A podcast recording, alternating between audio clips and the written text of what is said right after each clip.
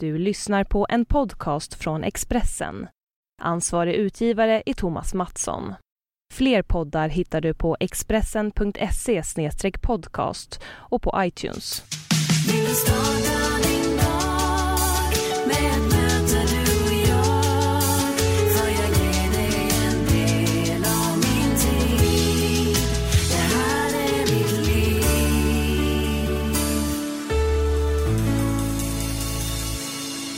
Då hälsar jag dig varmt välkommen till avsnitt 146 av Livshjulet.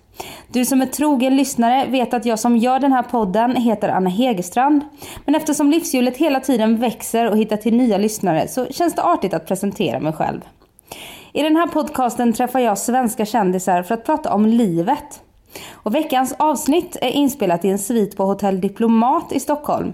Jag passade nämligen på att träffa Mia Parnevik när hon var hemma i Sverige för några veckor sedan. Mia är just nu aktuell med en ny säsong av TV3s populära realityshow Parneviks. Och efter första säsongen röstades hon fram till årets TV-personlighet på Kristallengalan i höstas. För tre år sedan var jag själv och hälsade på Mia och Jesper i deras stora villa Casa Mia i Jupiter. Och det tog inte lång tid för mig att förstå vilken härlig och naturlig person Mia är när vi satt där på bryggan och drack kaffe från Starbucks i gassande Floridasol. Och här är Mia Parneviks livsjul, varsågod. Mm. Här på, på Diplomat i Stockholm och du kör ett ordentligt race nu. Ja, det går väldigt fort idag. Nej, men eh, ja, vi, jag är hemma lite snabbt för att ja, promota vårt program. Eh, Parneviks. Och prata med lite press och media och lite så kul med dig. Så det är jätteroligt. Det går skitbra. Utan familjen är du här, Utan familjen. såg jag. På. Det är lite, ja, det var ju, Jesper spelar ju golf, han spelar på Champions Tour. Och eh, barnen två i college och Phoenix hade fotbollsdistriktsmatcher. Och Filippa hade massa grejer inför college som hon skulle gå på. Så jag är hemma själv och har väldigt trevligt. Men det känns som att det är du som tar lite ansvar för PR-biten för det var även du som var själv på Kristallengalan med eh, svärfar. Ja, och det var mysigt. Det var jätte, jätteroligt. Men, eh, men nej, PR-biten, jag är faktiskt ganska obekväm med den här bit, delen, som man inte tror. Jesper är jätteduktig på den här biten. Det här har aldrig varit min grej. Jag vet ju det, för vi kan ju berätta för lyssnarna att vi har ju sett hemma hos er i er underbara villa i Jupiter. Och då satt du och jag på bryggan och fikade medan Jesper fick vara med på alla bilder. Skitbra. Ja. Nej men jag är inte, det är inte riktigt min grej att sitta och prata och jag tycker det är väldigt jobbigt att prata om sig själv. Ja, du tycker det? Jag tycker inte det är så intressant eller så roligt. Ja, men du vet, det är jobbigt och det är väl mer roligt att prata om, fråga dig vart du är i ditt liv och om, andra. Jag är nyfiken på människor, älskar människor men eh, prata om sig själv kan jag tycka blir lite Men jag vet ju att, att mina lyssnare, eller Ja, våra lyssnare här nu, är väldigt intresserade av att höra om dig. Ja, och det är därför jag har bjudit in dig här Ja, idag. tack. Ja, men det var ju på G, eller Mm. det var ju på tal om att det inte skulle bli någon andra säsong. Det var ju mest för att det, vi visste inte hur vi skulle få ihop det. Nej. Jesper spelar golf, barnen college, precis samma sak som jag sa innan. Att hur får man ihop det eller pusslet, livspusslet? Eh, och när alla är på olika platser. Det var inte så lätt. Och sen så i TVs värld tror jag så är det också, man bestämmer långt innan, man, det, det är ju en stor process. Och gäster och alla vill veta i tid och vi är ganska sista minuten människor. Så, och, och för att få ihop det var det väldigt svårt för det var ju också beroende på eh, massa olika saker så att säga. Men vi är glada att det gick. Och vi är väldigt glada över nya säsongen för det är jag tror faktiskt, eller jag, det jag har sett och redan då, då så, och det vi har varit med om och spelat in så tror jag att det kommer bli bra. Ja, så jag är jätteglad. För jag vet att du sa att du var tveksam till en andra säsong för att ni kanske inte skulle kunna göra den bättre än första säsongen. Nej, ja just sa jag det. Ja, och nu så eh, verkar det som att Ja. du har stark, tilltro. Ja, ja faktiskt det. Nej, men det var nog också för att vi är ju en, em, vi är ju en idrottsfamilj. Och em, i vår familj så gör man någonting så, ja, då ska man göra det bra. Och har man gjort det en gång så ska man göra det ännu bättre nästa gång. Och det där är väl någonting som ligger i vår natur och jag har faktiskt insett att vi är såna, det är lite som människor. Och jag tror att det är ganska lätt om man tittar på något själv i tv-program eller någonting så tror man att åh, åh, ska de verkligen göra det där igen? De gjorde det, gick ju ganska bra förra gången. Åh. Har ni Så. varit rädda för hur eh, det ska tas emot i Sverige då också? Jag vet inte, jag vet, inte om vi har varit rädda för. Jag tror vi bara, vi bara körde den här gången. Och det var så my- mycket lättare för att vi visste vad, hur man gör, eller inte gör, men hur man visste att okej, nu är det en kamera där och de är där och vi kände de här människorna som, eh, som jobbade med oss med Elk- Productions då. Så att, eh, och hela apparaten, vad som händer med när man gör en sån här grej. Och det kändes så lite kanske lättare och lite roligare på ett sätt. För att nu var man så här, åh, nu kommer de här människorna och åh vad kul det ska bli. Så att jag tror att jag var eh, ännu mer avslappnad faktiskt. Jag kände mig inte så orolig för mina barn. För jag visste att liksom, de, är, de klarar av det här. Jag, jag tror som mamma blir man lite sådär orolig att det ska bli för mycket för dem och att, eh, ja, och ta det här ifrån Jespers golf och uh, många sådana hattar. Men jag vet att det blev faktiskt bara en, um, som att komma hem till en liksom väldigt kul. Alla människor som jobbar med, med sådana här sort, sorters grejer också är ju väldigt kreativa. Så att det ger jävligt mycket energi. Det tar inte bara utan det ger en jäkla massa också. Och jag vet att du är någon sorts projektledare i ert hem. Ibland sådär. Men, ja, eh, och hur blir det när du får hem, ni har ju ofta mycket folk Ja, hemma i ett hus, ja, men när du får hem liksom, läst att du har lagat frukost till ett kamerateam, 40 pers och... Ja, men det är ju självförvållat också. Det, är ju, det här är ju liksom, det är ingen som förväntar sig att jag ska göra det. Eller... Förutom du själv då? Ja, kanske? precis. Förutom jag själv. Ehm, men då är det väl lite det där att jag, jag gillar ju det. Jag vill ju, alltså det där är en sån här... Jag vet inte vad jag ska säga, men det är en sån här grej som... ehm, Jag, gillar att ta hand om människor och, och få, det är kul att ge tillbaka och få en kick av att åh, han gillar kantarelltoast. Ja, men då kan väl jag. Det är kul att få göra en kantarelltoast då. Det är min kick liksom. Så då blir det väl lite sådär att man vill ta hand om alla. Men sen blir det lättsamt. Jag gör det ju inte svårt för mig. Jag gör det ganska enkelt för mig också. Men ehm, det är det jag tycker är kul liksom. Och om vi går bakom kamerorna Mm. här nu då. En vanlig dag i ditt liv, hur ser det ut? Jag, det är alltid, det börjar kvart i sju, sju.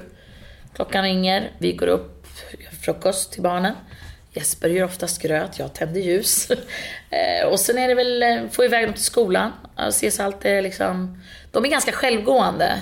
Men jag gillar att vara där. Så även om jag, vi har haft en sen kväll eller om man har varit iväg och kommer hem från en resa eller Jesper har varit på andra sidan eh, USA så går vi alltid upp ihop och eh, alltid startar morgon så.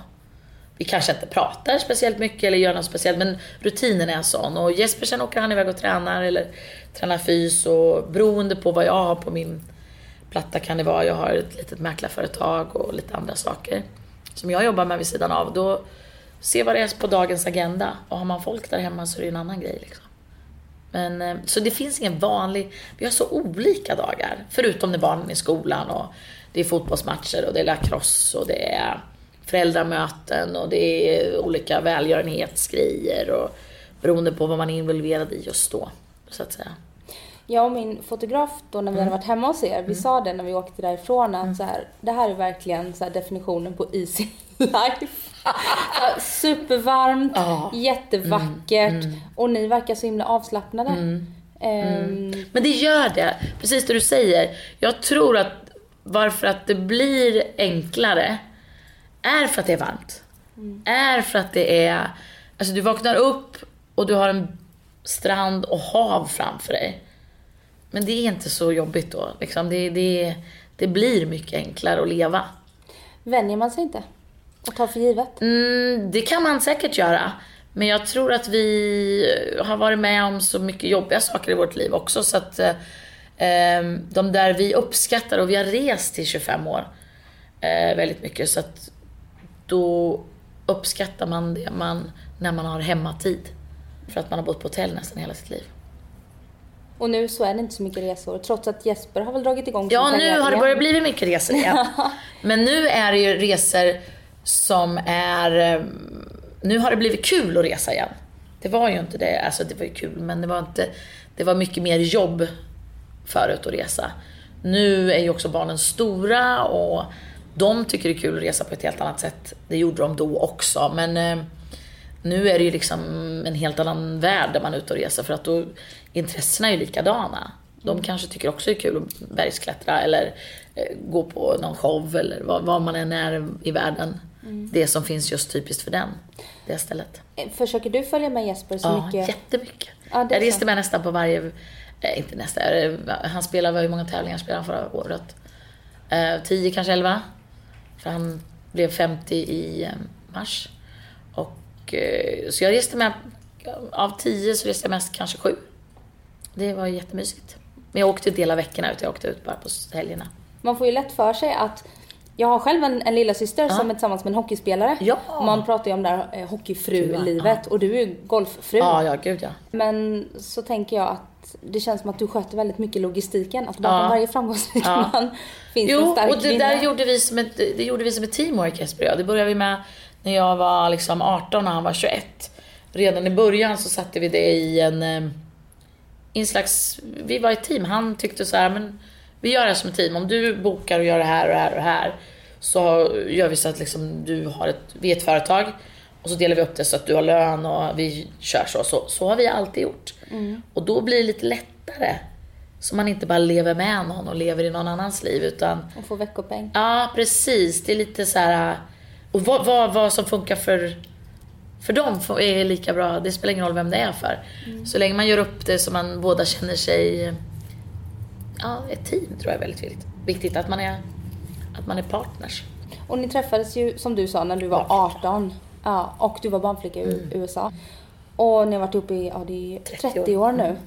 Vad är det som gör att det funkar genom alla Nej, men jag tror motgångar? att det är f- faktiskt att vi har roligt, att vi hör varandra, ser varandra. Um, är det väl någon grundkärlek i det där att man växer mer ihop än isär och att man... Men jag tror ändå att det, att det är... Att man har roligt. Jag, tror, jag tycker det är roligare att vara... Om jag är iväg på någonting, som jag, nu när jag landade här i fredags, så hade jag, såg jag tillsatt massa tjejkompisar och massa tjejer som jag ville skulle lära känna mina kompisar, som har varit hälsta på oss, gäster bland annat. Så samtidigt som jag satte mig och var så excited och träffade alla och det var så kul. Så textade jag Jesper, jag bara undrade och önskade att du var här. Och under middagen så, det var våran producent som är från förra året och massa andra människor som han känner. Så jag vill alltid att han ska vara delaktig. Det låter ju väldigt klyschigt det här kommer jag på, men det är sant. Det Jag vill att han ska vara delaktig. Jag tycker det är roligare när han är med. Jag tror han, han tycker alltid också att det är roligare när jag är med. Man, man brukar ju skilja, nu har jag ju levt ihop med min kille Ja. i två år. Ja. Så vi har ju fortfarande det här du vet att Nykära. Ja. Ja, lite nästan. ja. I alla fall att det kan pirra. Men jag tänker ju att om 28 år då, så kanske det här har försvunnit lite. Fast, jo, det är klart att det, det blir ju en annan grej. Det blir ju en bättre grej tycker jag. Ja. För att helt plötsligt så blir det ju en, eh, det är en, en i vårt fall i alla fall så har det varit liksom, blir det en djupare kärlek. Liksom. Man, man känner att man har gått igenom svårigheter eller saker som har, om någon har varit sjuk eller varit jobbigt så man får ju en annan en tyngd på kärleken. Det är ju, man är ju inte orolig eller du vet som i början kan man bara, åh han har inte ringt inom en timme. Och, men den finns ju inte. Nej. För om man nu har en relativt fungerande relation. All den där stressen, den här oron som man... Osäkerheten, den... Som är i början när man är nykär, den, den är ju inte så frisk alltid. Nej. Den är ju mer stressig egentligen. Det kan vara jobbigt. Ja men alltså det är lite så här, oh, ha, tittar han på den där tjejen? Alltså det finns ju massa så här löjliga osäkerheter som...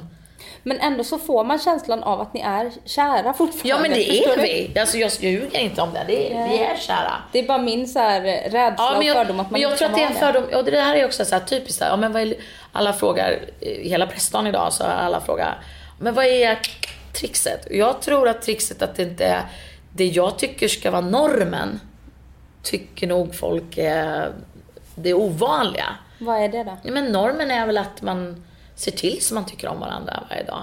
Jag kan ju sitta och försöka reta mig på alla hans jobbiga grejer, att han inte hittar sina saker eller att han gör det här eller det här eller... Och han har ju extremt mycket saker som han skulle kunna hitta som jag är skitirriterande för honom. Eh, Men det kan vi ju alla och så kan man göra med sina vänner och så kan man göra med sina barn, sina föräldrar, vem som helst, jobbchefen, vad som helst. Men fokuserar man på de negativa grejerna då får man ju jag menar, då, det är ju bara en reflektion av en själv. Och om man koncentrerar sig på de sakerna, då blir det ju problem. Eller då blir det ju... Då ser man ju bara de här, åh, han glömde nycklarna igen. Istället för att säga, fy fan vad han är rolig just nu. Nu letar han efter de där förbannade nycklarna igen. Alltså man kan ju vända på allting. Och det där har kommit med Jespers... Eh, jag tror att vi har lärt oss det på grund av att vi har levt ett... eh, Han är idrottsman och försökt alltid hitta nya vägar till att få bättre koncentration och bli bättre på saker och ting. Att viljan att vara så nyfiken att förbättra sig och att se sin egen skit kanske. Ja, men alltså det är gärna att man inte vill titta på allting och det är ju, väl, det är ju humant, det är självklart. Men jag tror att ju mer man släpper alla de där grejerna och gör det så blir det det, blir bättre med allting. Och ni har ju eh, fyra barn. Mm. Det är Peg, Penny. Penny, Filippa och Phoenix. och Phoenix ja. Och de börjar ju alla bli väldigt stora nu. Ja. Eh, är det någon skillnad? Har ni märkt någon skillnad i er relation nu när de börjar liksom bli vuxna? Ja, vår relation eh, har ju blivit... Eh, dynamiken när två barn försvinner ur huset. Vi är van med att ha fyra barn hemma, nu är två i college och det inkluderar ju också även deras vänner. Och allt sånt där. Det, alltså, det blir ju, det var ju, det är ju jättetomt. Självklart efter dem, att de är... Men det är också ganska härligt när ens barn blir stora för att de de är ju iväg och gör sin resa. Och sen kommer de ju alltid tillbaka liksom. Men det blir ju en annan... eh, Det blir skillnad hemma mellan oss också. Det blir ju tystare. Men då får man ju se till att göra andra grejer liksom. Då får man se till att göra tv-program så de kommer hem. Ja, exakt. Det är därför vi gör det Ja, vad smart. Eller? Vad har du annars för relation till, till dina döttrar? Ni är väldigt tajta, verkar det så? Ja, ja jag, jag tror ju att... Alltså, det, alla säger man om man... Jag, jag, jag tror man ska vara vän med sina barn, men eh, jag är först och främst förälder. Och förälder är nog... eh, Jag älskar dem, och nu kommer jag säga det här ordet på engelska för jag kommer inte på det på svenska. Unconditionally. Heter det? Villkorslöst. Villkorslöst, tack. Ehm, och de kommer alltid vara mina barn. Eh, och med det så, den, den hatten tar man ju aldrig av sig. Man kommer alltid ha den här att man vill vara orolig och kanske hjälpa till och, eh, på sättet och vis. Men nu har man ju en härlig relation att man kan prata och det har vi väl alltid haft. Men de kan ju ha en förståelse nu när de har flyttat hemifrån och, och mamma, gud nu fattar jag.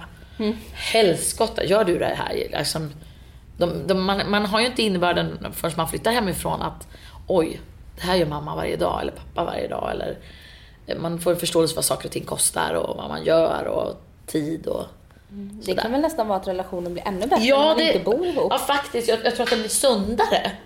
Jag tror att den, för hon kommer hem, de kommer hem nu Peg och Penny och de eh, hjälper till med allting. Och nej men jag fixar det här mamma, nej nej nej nej. Och, och, så de har ju insett att de här vardagsgrejerna som vi gör kanske är ganska många saker. Så att, I, I samband med första avsnittet så vet jag att det gick lite, lite så här att du tyckte det var jobbigt för att det var någon tråd på Flashback, det var en massa killar som höll på att skriva.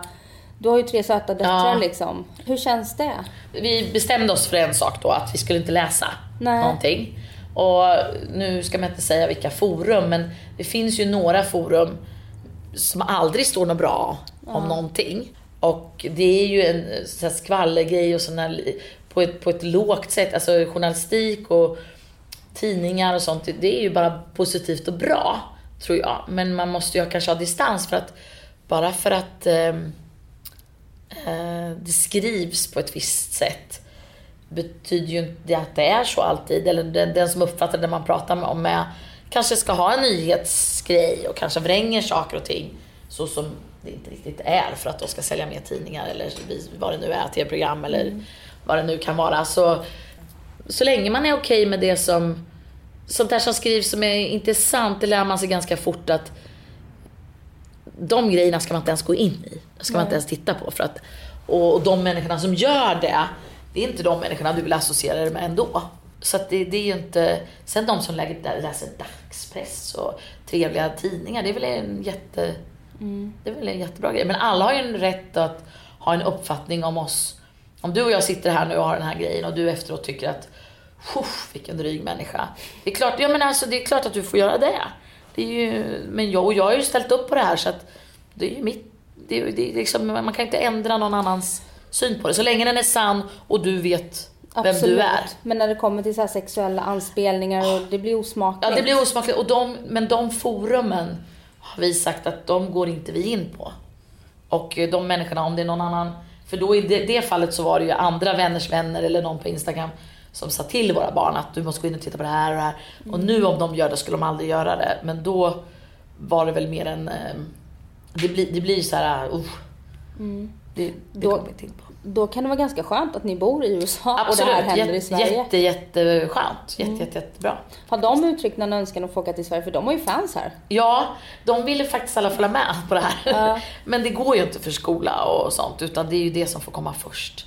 Det är ju skit, de vill ju så gärna komma hem och när jag la ut bilder på Instagram här hos släkten och åkte pulka så min son var hjärtat krossat för han ville ju gärna vara med. Men man kan ju inte göra allt som är kul, det är skolan går först nu. Men annars så, ni trivs, jag vet jag ställde den här frågan även för tre år sedan. Ni, ni trivs bra i USA och Mm. Ja. längtar inte hem till Sverige? Men alltså vi får ju bästa båda världar. Vi har ju alltid haft det. Vi har ju hela somrarna här. Och sen har ju hela, vi hela Sverige hemma hos oss. Så att de människorna man saknar Ja. får vi ju hos oss där borta. Och sen får ju vi sommaren här. Så att nej, jag har inte... Jag tycker att världen är så liten ändå då och vi... Sen ska man aldrig säga alla, jag älskar ju Sverige och hela vår familj älskar ju Sverige. Så att det är ju... Men jag tror att vi kanske älskar det lite mer bara för att vi bor utomlands, förstår du? Det tror jag absolut. Ja. Jag tror att det, och för att vi får ta, när vi kommer hem så är alla så himla glada och det är liksom grillfest hemma hos alla och det är liksom lite mysigt och så. Om man bor här på vardagen och har liksom, ja men som en vanlig liksom blaskig dag, då kanske inte är lika kul. Nej.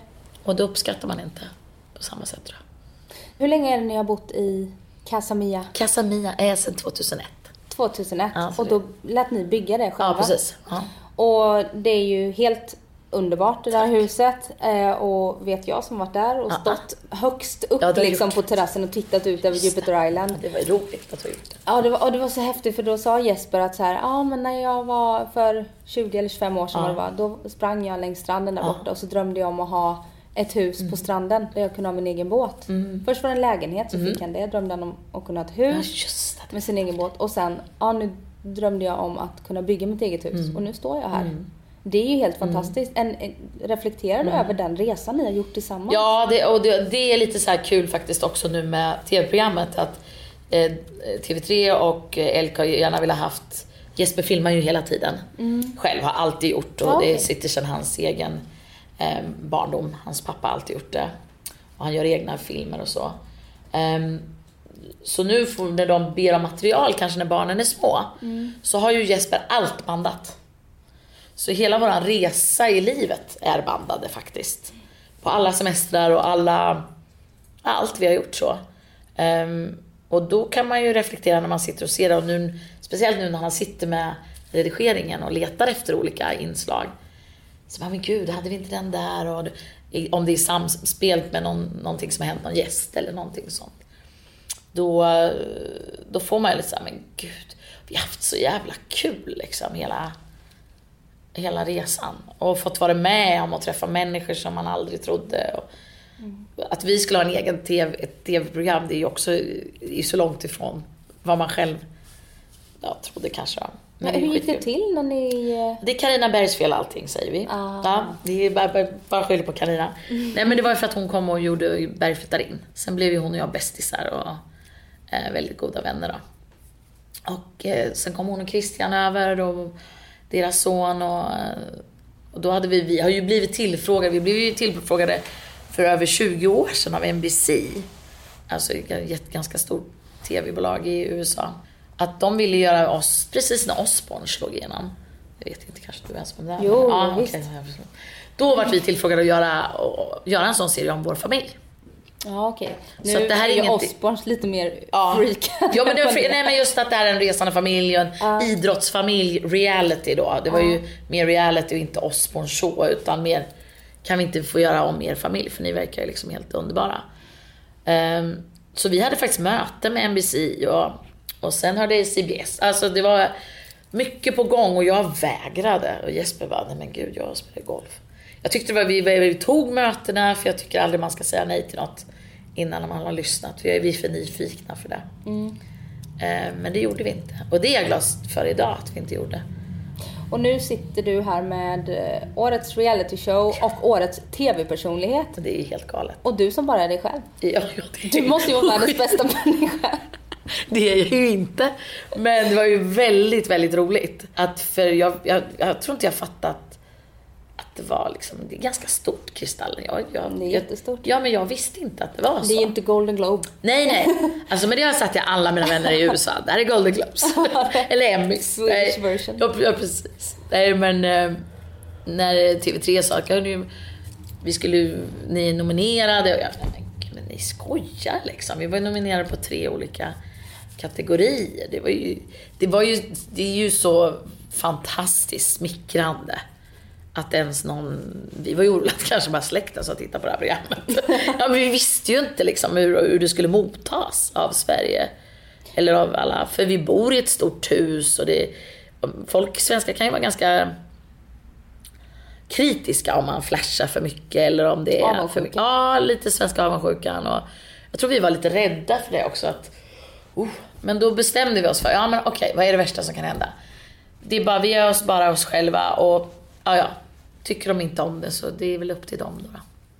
Om vi går tillbaka till den här resan ni har gjort Mm. fram till huset. För det var ju på tal om att ni hade ute det till försäljning. Ja men det där är också så här, alla tror att det var så. Det var mer så här att Jesper var skadad. Ja. Och eh, visste väl inte om han skulle ens kunna liksom Spela. spela igen eller göra, alltså hur ska man försörja sig när man är skadad och hur lång tid kommer det här ta? Även om vi hade samlat på oss eh, och sparat och varit smarta också med mycket så är det ju att ha sådana utgifter som vi då har och har levt på ett, ett visst sätt. Eh, eh, och, och gärna bjudit allt och alla på allt jämt. Så. Och det var ju lite min kick och hans kick. Så helt plötsligt så går du från att ha väldigt mycket inkomster. För med när det går bra så kommer det, det är det där man får ju mycket mer grejer när det går bra. Men när det går dåligt så kanske då får man inga sponsorer. För då är du ju inte aktuell och du är ju bara så aktuell som du var veckan innan. Så att även om man Jesper hade hållit sig i världseliten i 15-20 år så, så har du inga inkomster helt plötsligt. Så du kanske går från extremt bra inkomster till extremt ingenting. Så då tar man ju av alla sparade pengar. Eller, och då går det ganska fort och då ska man ha ett, vårat hus, att eh, bara, vad heter det, aircondition, alltså, aircondition eller värme eller el eller vad man nu säger. Det är ju ett ganska stort hus och ganska mycket. Ja, bara att ta hand om utgifterna för huset är ju extrema. Ja, jag tänkte på det första så här, Ja. Mm. typiskt svenska. Jag kommer såhär, gud hur gör de med städning? Ja men och städningen är minsta utgiften. Men aircondition och sånt är ju fruktansvärt dyrt och fastighetsskatter och allt som, att, att hålla ett sånt här hus igång bara med vatten och el och det. Det är det dyraste nästan på huset faktiskt. Eh, och då om man är van att alla i hela Sverige och alla bekanta man har kommer på semestrar och man har ett visst levnadssätt att leva så eh, självklart så går det mycket pengar. Men blir det inte också så då att folk när man kommer till er, Mm. eftersom man vet att ni är så generösa, att man lite förväntar sig att det står de för? Ja, nej, fast det, det där har vi en ganska skön, eh, jag ska ge, alltså vi har en ganska skön grej med våra vänner att vi, för oss är det självklart, men för dem är det aldrig det, utan eh, våra vänner är, de människorna sorterar man ut ganska fort. Ja, som vill åka räkmacka? Ja, eller som bara är där för fel anledning. Liksom. De vännerna, det var länge sedan vi hade sådana vänner och de är inte med i vårt liv längre. Och det har nästan inte varit någon faktiskt, om jag ska vara helt ärlig. Våra vänner gör ganska mycket för oss. Jag kan ju be, jag kan ringa min barndomsvän Anneli, eh, du kan göra det här och det här. Då har hon rensat ut min vind liksom. Eller organiserat mitt Alltså, vi har otroligt eh, generösa vänner. Så att det är inte bara vi som är generösa, det är de som gör oss generösa liksom också. Så att det det där har aldrig varit där, men, men det är nog det med att det är våran grej. Att vi gillar att bjuda. Att vi gillar att liksom bjuda till fest och sådär. Och Våra döttrar kan vara säga, men gud, har vi pengar till en flygbiljett? För vi har aldrig heller Alltså vi snackar inte pengar hemma och sådär. Vi, det, vi, vi levde exakt likadant när vi bodde i vår lilla lägenhet och hyrde lägenhet. Och när jag var singel, alltså precis i början när jag träffade Jeppe, så bjöd jag fortfarande mina 20 polare på köttspaghetti. Fast då är det spagetti och köttfärssås. Nu kanske det är oxfilé liksom. Eller köttfärssås. ja, men det, alltså, det är samma, vi har levt likadant. Fast med enklare medel bara. Men jag vet ju ändå att det är du som är slösaren i familjen. Ja, det är ju det. gillar dyra leksaker. Vad, vad, vad lägger du dina pengar på? Jag lägger mest på vänner faktiskt och bekanta och mina barn och, eller barn, men jag lägger nog mer på allt runt omkring. Jag hellre köper ju en fin, kanske, jag gör aldrig, som nu, jag kommer hem med, det är inte en vän till mig som ber om något, förutom kanske någon, ja kan det vara, jo min eh, Jespers lilla, s- sis, lilla systers dotter, deras kusin, barnens kusin Nova, hon fyllde 10. Och då frågade jag henne vad vill du ha i födelsedagspresent nu när jag kom hem? Och då sa hon, men mamma Mia vi fick så mycket julklapp. Ja men så, jag, du får vara, ingen cykel bara för jag kan inte ta med mig en cykel från USA. Men du får önska dig vad du vill. Och hon, det jag mest vill ha är waff, cinnamon toast waffles från Publix, alltså det är från ICA. Och då gick ju jag naturligtvis in och köpte 10 paket och la i en sån här ziplock och frös ner och hade kylbägg med mig. Så i resväskan hit hade jag med mig cinnamon toast waffles för jag vet att hon älskar det. Eller du vet, min bästa kompis ville ha en, en deo från Whole Foods. Ja, men, men då köper jag kanske fem. Så jag gillar att hitta de sakerna. Det är inte det att det behöver vara så dyra eller exklusiva saker. Det är mer att hitta jag gillar att ha med mig presenter och till min guddotter som Dylan nu som fyllde ett år. Jag kommer ju aldrig kanske vara med hemma här i Sverige någon annan gång när hon fyller. För det är en sån odd tid när, i vår värld. Och så, det är klart att jag hade hela resväskan full med saker. Vad frossar du själv i när du kommer hem till Sverige som du saknar i USA? Ja men det är mest husmanskosten alltså. Eh, och såna där grejer. Jag kan tycka det är kul. Jag älskar inredning och hem och alla såna saker. Det är väl lite kul att göra. Titta på sånt och kanske köpa hem något mysigt. Hur lever du själv? Om vi, vi pratar ju lite livshjulet här och livet och hälsa är ju en viktig del. Mm. Ja. Du ble, drabbades ju av en väldig huvudvärk. Fick vi följa med Mm. Ja. och se i förra säsongen. Hur är, hur är det nu? Jo, eh, det har väl varit lite så här. eh, Man blir, får ju en reality check får man ju och eh, det var ju mycket stressrelaterat också. Eller det var väl mest stressrelaterat och det var väl, det var väl lite det att, eh, men det var också en migränattack. Det är någon sån här ten, nu kommer jag säga fel. Och jag vill inte säga fel, men det var någon sån här ten syndrome. Så den här eh, kan utlösas av stress, men den här migränattacken, vi har inte haft, Phoenix har migrän i vår familj, men ingen annan som har migrän. Så det är väl eh, nu och ta hand om sig i livet 2016 har jag bestämt mig för att först och främst ska jag gå ner i vikt för så här mycket har jag aldrig vägt. Och eh, eh, det är väl lite slarv att inte ta hand om sig själv. Eh, och fokusera lite mer på att ta det lite lugnare. Kanske ta lite mer tid till eh, att fokusera på att, att, att eh, se till att må bra liksom. Och, eh, vi, vi, vi har ju haft också mycket liksom, tragedier nu med, med vår sons kompisar som har gått bort och alla sådana här saker. Så att just att få ihop hela tillvaron. Nu är jag ju väldigt lycklig för att Peg och Penny mår väldigt bra. Jag är väldigt lycklig för att Jesper är hel i kroppen och han ska ut och spela nästa vecka. Och eh, ja, men att man tar hand om sig själv för att man ska kunna liksom fungera i massa år till. Och ta det lite lugnt känner jag och kanske bara koncentrera oss på vår familj lite. Är det så att du ofta sätter andra framför dig själv? Ja, det är väl kanske så att man fokuserar. Jag, jag tycker inte det är lika kul. Det är, jag vet ju att det är jätteviktigt, men om det är någonting, jag är ganska duktig på att ta hand om alla kompisar och vänner. Och, för, inte för att jag känner att jag måste, utan för att jag vill. Men då blir det kanske inte så fokusering på sig själv. Nej. Och då, jag tror nog att min man har ställt ett krav på mig att först och främst måste det handla om mig. Att jag måste ta hand om mig själv först innan jag tar hand om alla andra. Och det är svårt för att säga nej. Nej men jag kan inte nu eller nej. Just nu, nej ni kan inte komma och hälsa på för jag vill.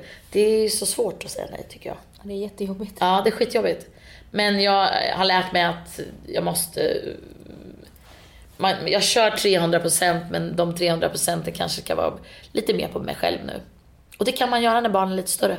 Exakt. Mm. Hur tänker du rent konkret då? Typ med, för jag vet ju att du gillar att cykla och paddla kanot. Ja, och gud ja, allt sånt där. Träning Nej men med träning, jo men just det här med att jag ska faktiskt göra en sån här, jag gjorde förra året en, en härlig, inte detox är det ju inte, utan det är mer en sån här hälso kör där man, eh, och det har med allt möjligt att göra, alla blodvärden och sånt, att man ska eh, det är äta väldigt grönt och inte äta socker och ris och pasta och naturligtvis sådana saker.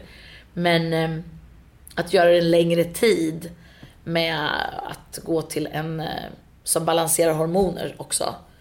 I hand i hand med det där och det har jag redan signat upp mig för. Så det ska jag göra nu så att man ordning och reda på det ordentligt liksom, inte bara slarvar.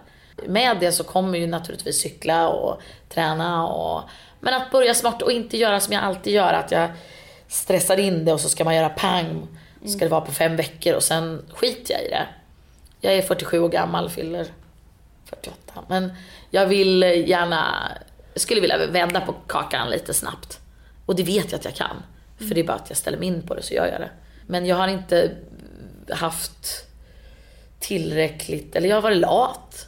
Jag har skitit i det, jag har fokuserat på allt annat. Och nu är det dags att, 2016 är det dags att fokusera på mig och lite andra grejer som jag ska göra i livet. Som jag vill göra.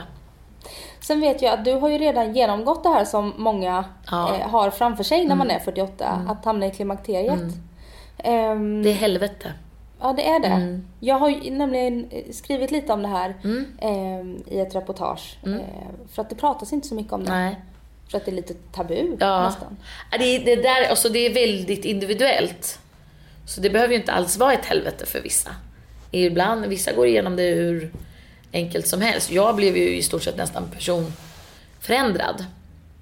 Men det var ju också drastiskt att ta bort.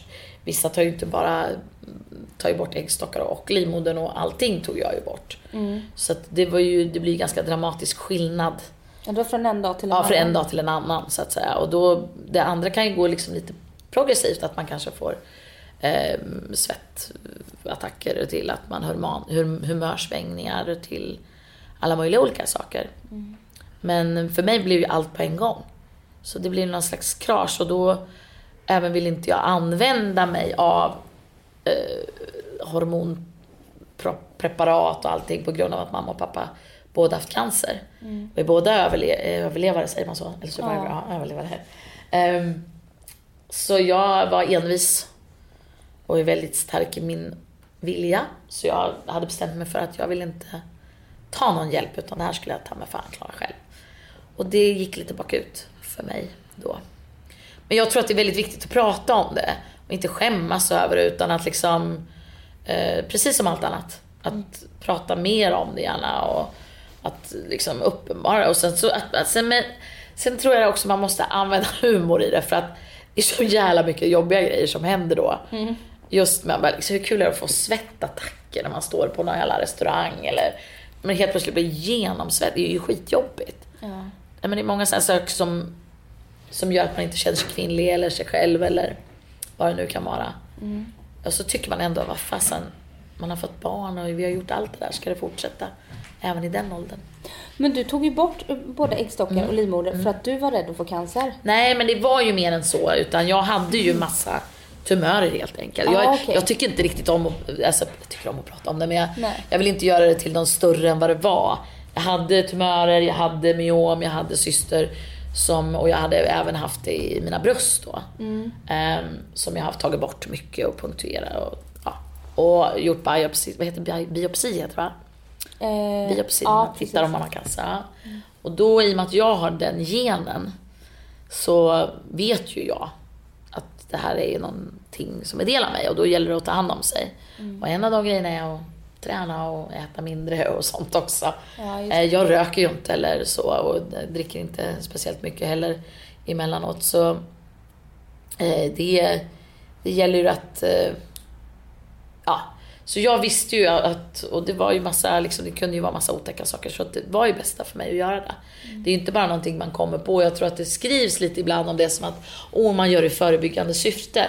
Jo, självklart kan man göra det, men eh, eh, jag tror inte att man bara gör det som om man gör en eh, annan operation. Nej, för det är ju som otroligt stort ingrepp faktiskt. Hur tog du för, för eh, hur tog du dig ur den här liksom, lilla Alltså, det var- krisen eller vad man ska Nej säga? men ja, det var ingen liten kris, det var en ganska stor kris. Och, ehm,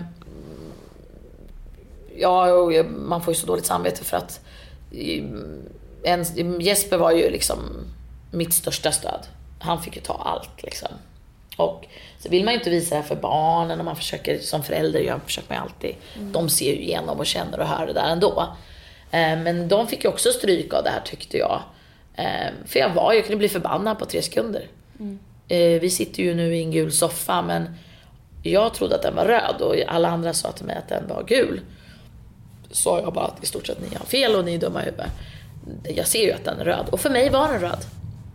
Och det är det som är så otäckt. Att det faktiskt kan vara så. Men eh, vi tog ur oss det med, med väldigt mycket tålamod från min mans sida. Och även läkarhjälp och jag försökte lite allt möjligt och lite terapi och, eh, och, och förstöra och komma... För sen blir det mycket skuld i det här. För sakta och säkert så ändrades ju liksom hela min kropp lite mer. Det tar ju tid. Och, eh, Hur då? På vilket sätt? Ja men alltså det blir ju, alltså det är ju alla cyklar och alla hormoner innan allting ställs om. Det tar ju jättelång tid liksom. Och för vissa människor tar det går fortare. Så där finns ju ingen liksom, det finns ju ingen heller liksom så här, ja men så här är det. För alla människor är så individuella i det här, vad jag, vad jag har läst och förstått.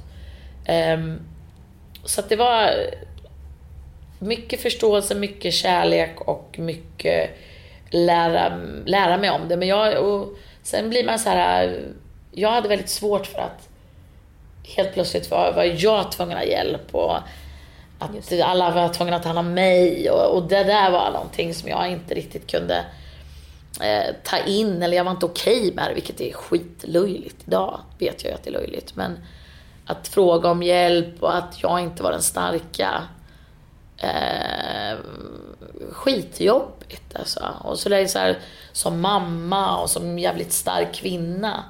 Och väldigt självsäker, eller självsäker, jag har en väldigt bra, allt efter bra självkänsla och sen då inte kunna ehm, lita på sig själv. Ja. För att jag såg ju att den här soffan var röd när den är gul. Man så här, börjar bli dum i huvudet? Ja, eller? ja exakt. Är jag dum i huvudet? Vem, vem är jag liksom? Helt plötsligt så blir man ju, det blev ju liksom ett förhållande sätt så att det här är inte jag. Och jag, det blev som en utomkropps, liksom, men shit.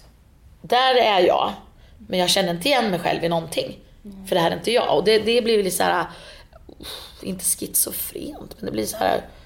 Jag kunde inte känna igen mig och jag, och då blir man ju, då, blir, då gick jag ju ner i det. Och då får man ju liksom dåligt samvete och så börjar man liksom fara iväg i hjärnan.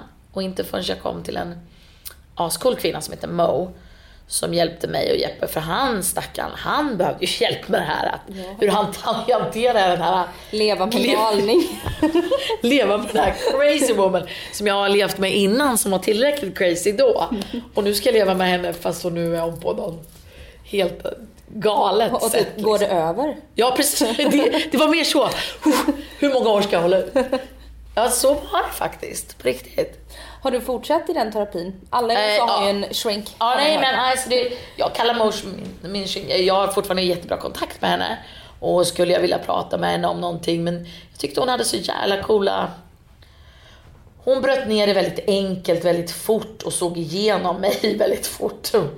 Och det, och sen tror jag att, och, och Jesper också, och, och jag lärde mig att få redskap som gör att jag kan eh, känna igen alla de där grejerna och sen så mår jag ju så mycket bättre nu och det är ju, och då är det lite lättare också. Men eh, Sen har man ju lärt sig kanske att de, de, de tyngsta sakerna var att först och främst att jag hade så otroligt dåligt samvete för att jag hade gjort så mot honom och min, mina barn. Och, att man gör det mot de människorna man älskar mest. Det där blir så här, oh, Att man är elak. att man är elak mot dem liksom. Nu var ju inte jag elak mot mina barn men eh, Jo men att man skriker och bråkar om saker som är totalt oväsentliga. Så jag läst, lärde mig att lösa konflikter och se saker på ett annat sätt. Att de, de där grejerna är ju totalt... Och se det från ett annat perspektiv. Och se mig själv, kanske gå ur mig själv lite och bara take a chill pill nu med det här är inte så stort som det är. Liksom. Vad har du fått med dig från det? Ja, det är det. Jag, Ja, jag fick med med konfliktlösningen, Konfliktlösningen är väl mer att oftast är det ju så här, det är med att man ska själv ska ha rätt. Man ska ha en poäng och man ska ha ah, min värdering och mitt tycke är det som är viktigast. Det är det ju inte alls det. Och varför? Så man får ju nästan fråga sig, så varför ska... Vad, vad håller jag på med liksom? Vad, vad är det här? Ja men okej okay, nu om den, de barnen känner så här eller Jesper känner så här. Okej, okay, varifrån kommer det? Var det från en, var det en dålig dag eller var det någon annan? Det är oftast en det är ett eh, dominoeffekt på någonting annat. Är det för att man är rädd eller är det för att man är osäker eller är det för att oh, man känner att man inte har presterat? Eller vad, vad är det ifrån? Liksom? Att, man, att man kanske identifierar grejen det kommer ifrån och istället för att bara på med sina grejer. Gå ner till kärnan. Ja, gå ner till kärnan direkt. Och då blir allting lite lättare och inte så... Och så inte ett drama. Att ta bort dramat i det och försöka lösa det. Och säga, men vet du vad, jag kanske har fel och det, jag uppfattar det så här. Och, och så länge det inte är illa baktanke eller illa något sätt så, så tror jag man kan lösa allt. För ni är ju team som... Ja, precis. Och, och inte just oss, utan allt med jobb eller barn eller vänner eller vad det än är. Så tror jag att allt går att lösa lite lättare. Med de kloka orden så säger jag tack så jättemycket Mia. Nu ska jag släppa dig till en ny journalist. Visst var det klokt? Ja, väldigt. Och du som sa att du inte gillar att prata om dig själv. Men du, det gick bra. Men det är ju du, då måste jag säga att du är ju fantastisk. Tack. Jag får Ja. komma och jag ser fram emot att komma hem till er och hälsa på igen. Jag känner att det är dags för ett nytt reportage ett nu. nytt reportage. Ja. Eller så bara kommer du dit ändå. ja. Och så eh, tittar man på er på eh, Måndagar klockan åtta från den 2 februari. måndagar klockan åtta från den 2 Februari va? februari. Ja. Det ska jag Snälla göra. titta. Såklart du Ja, ska. bra. Och alla andra också. Tack. Hej då. Hej då. Jag? Jag.